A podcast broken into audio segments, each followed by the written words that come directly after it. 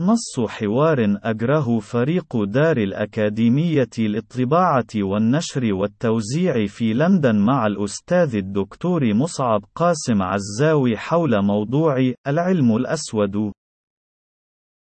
فريق دار الأكاديمية تحدثت في غير مرة عن هلعك من الانحطاط الأخلاقي والمهني والقانوني الكامن في علاقة السفاح المشهر بين العلم الأسود والاستبداد. فهل يمكن لك توضيح وجهة نظرك بذلك الصدد؟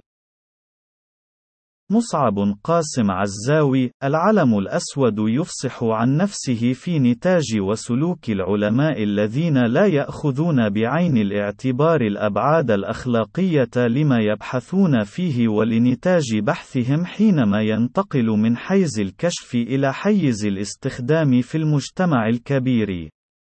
والأمثلة على ممارس العلم الأسود عصية على الحصر في عالمنا المعاصر، والأكثر قبحًا منها ذاك الذي يتزاوج عن قصد أو غيره مع مصالح الاستبداد والتغول على حيوات بني البشر وحقوقهم الأساسية.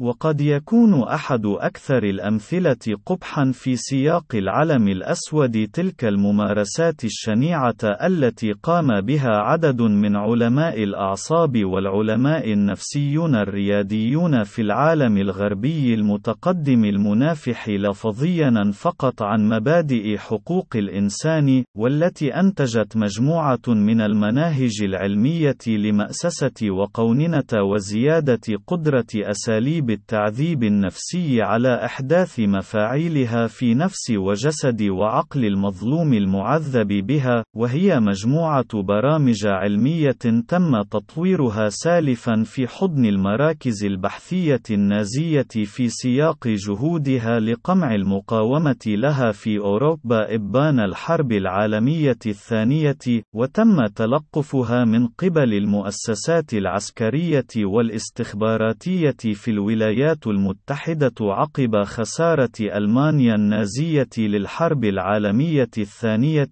بالتوازي مع نزح خبرائها من النازيين الذين تم استيرادهم من ألمانيا بعد سقوطها ليتم توطينهم في الولايات المتحدة، وتم بالاستناد إلى خبراتهم البحثية والعملية تشكيل منظومة التعذيب العقلي التي اتبعها الأمريكان ومن لف فهم من أعضاء حلف شمال الأطلسي في غير موضع من مئات السجون السرية التي أداروها ويديرونها راهنا في غير موضع جغرافي من أرجاء الأراضين، كما وثق ذلك الباحث الطليعي جيرمي سكيهل في كتابه البحثي الموسع الحروب القذرة الصادر في العام 2013.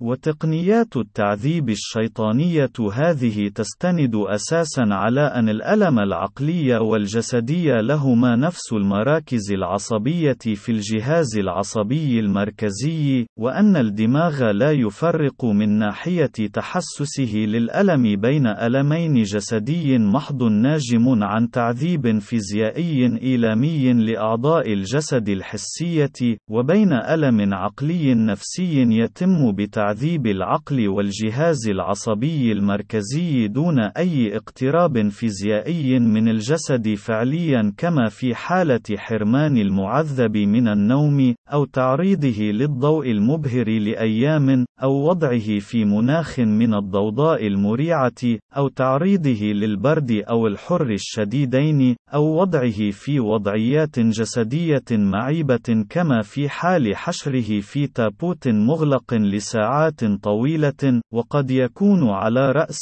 تلك القائمة التقنية المرعبة التي اخترعها الأمريكان والمتمثلة في إيهام العقل البشري بأن صاحبه يغرق في الماء، وهي التقنية التي تعرف باللغة الإنجليزية باسم waterboarding، وتقوم على وضع قطعة قماش على فم وأنف المعذب ومن ثم سكب الماء على قطعة القماش تلك تلك بحيث يسد الماء الثغرات بين عرى النسيج تلك القطعة القماشية، ويمنع تسرب الهواء منها، ويمنع المعذب من التقاط نفسه، ويوحي لدماغه كما لو أنه على وشك الغرق في الماء، وهو الإحساس المضني المثير لأعلى درجات الألم النفسي والعقلي على الرغم من أن المعذب لم يتعرض فعليا لأي تعذيب جسدي فيزيائي مباشر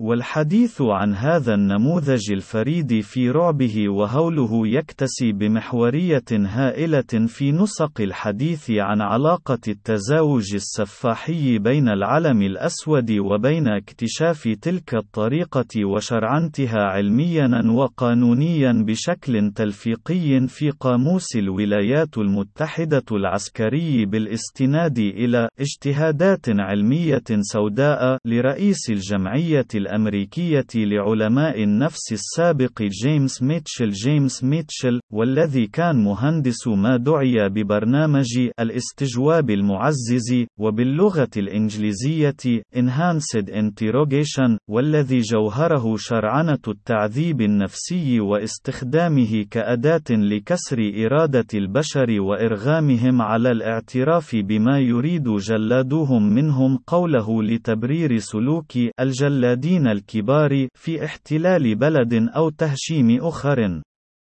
وقد تكون حكاية الكثير من السجناء المزمنين في معتقل غوينتانامو الأمريكي في الجزء الذي تحتله الولايات المتحدة في جنوب كوبا حكاية وصفية عن أشخاص أبرياء تم التقاطهم من أفغانستان وتم تعذيبهم بكل تلك الوسائل لانتزاع اعترافات تبرر عدوان الولايات المتحدة الأمريكية على أفغانستان وتهشيمه.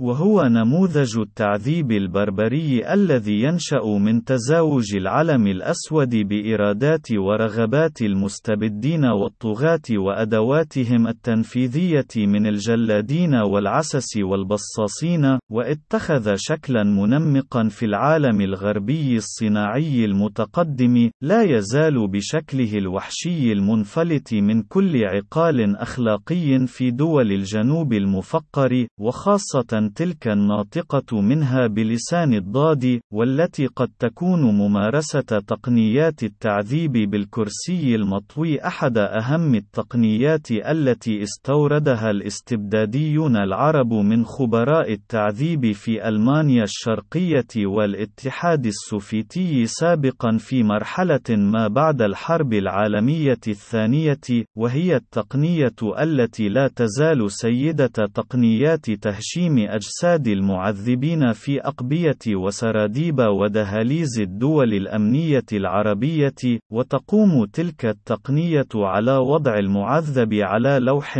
قابل للانطواء في منتصفه، وبحيث يستلقي المعذب على بطنه عليه، ليتم طي ذلك اللوح بشكل يدفع برأس المعذب ليلامس أخمص قدميه، وبحيث يكون مصدر الألم الأساسي هو تمطيط العصب المبهم فاغوس نيروي والذي يمثل العصب الحشوي الأساسي الذي يمتد من دماغ الإنسان إلى أخمص قدميه وهو مسؤول عن الكثير من الوظائف الأساسية للحفاظ على الحياة وعلى رأسها ضربات القلب ومعدل التنفس وإيذاء العصب المبهم عبر تمطيطه يؤدي إلى تباطؤ التأثير الناظم للعصب المبهم على الوظائف الحشوية وخاصة نبض القلب، ويؤدي بصاحبه لشعور مهول في إيلامه يماثل شعور النزع قبل الموت، ويدعى باللغة الإنجليزية impending doom، وهو الشعور الذي يصفه المعذبون السابقون من الناطقين بلسان الضاد، وما أكثرهم، بأنه شعور المعذب بأن روحه تغادر جسده.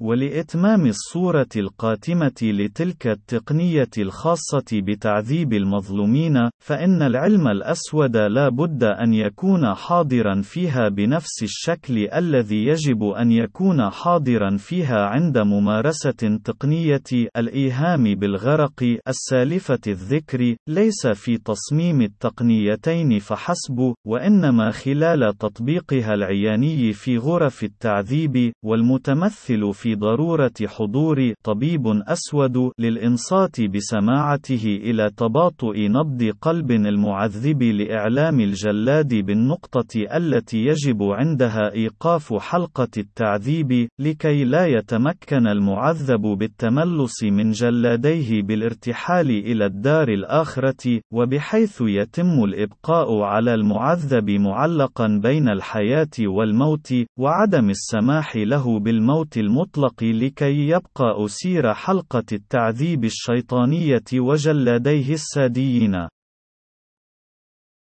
وذلك النمط من الأطباء السود يمثل نموذجا عيانيا مشخصا لنتاج سفاح العلم الأسود المتنصل من كل صفة أخلاقية وبين مصالح الطغاة والجلادين وسدنة الاستبداد بحيث يصبح الطبيب جلادا مقنعا وهو الذي يفترض به الدفاع عن حيوات من يعالجهم والالتزام بعدم تسبيب أي أذى جسدي جسديا أو عقليا أو معنويا لهم كقاعدة أم في ممارسة أي عمل طبي، والتي دونها لا يمكن للطبيب أن يكون طبيبا وفق قسم أبو قراط المنسي، والذي لا بد لكل طبيب من أدائه قبل حصوله على شرف العمل كطبيب لخدمة مرضاه وتخفيف آلامهم ومعاناتهم الجسدية والنفسية على حد سواء.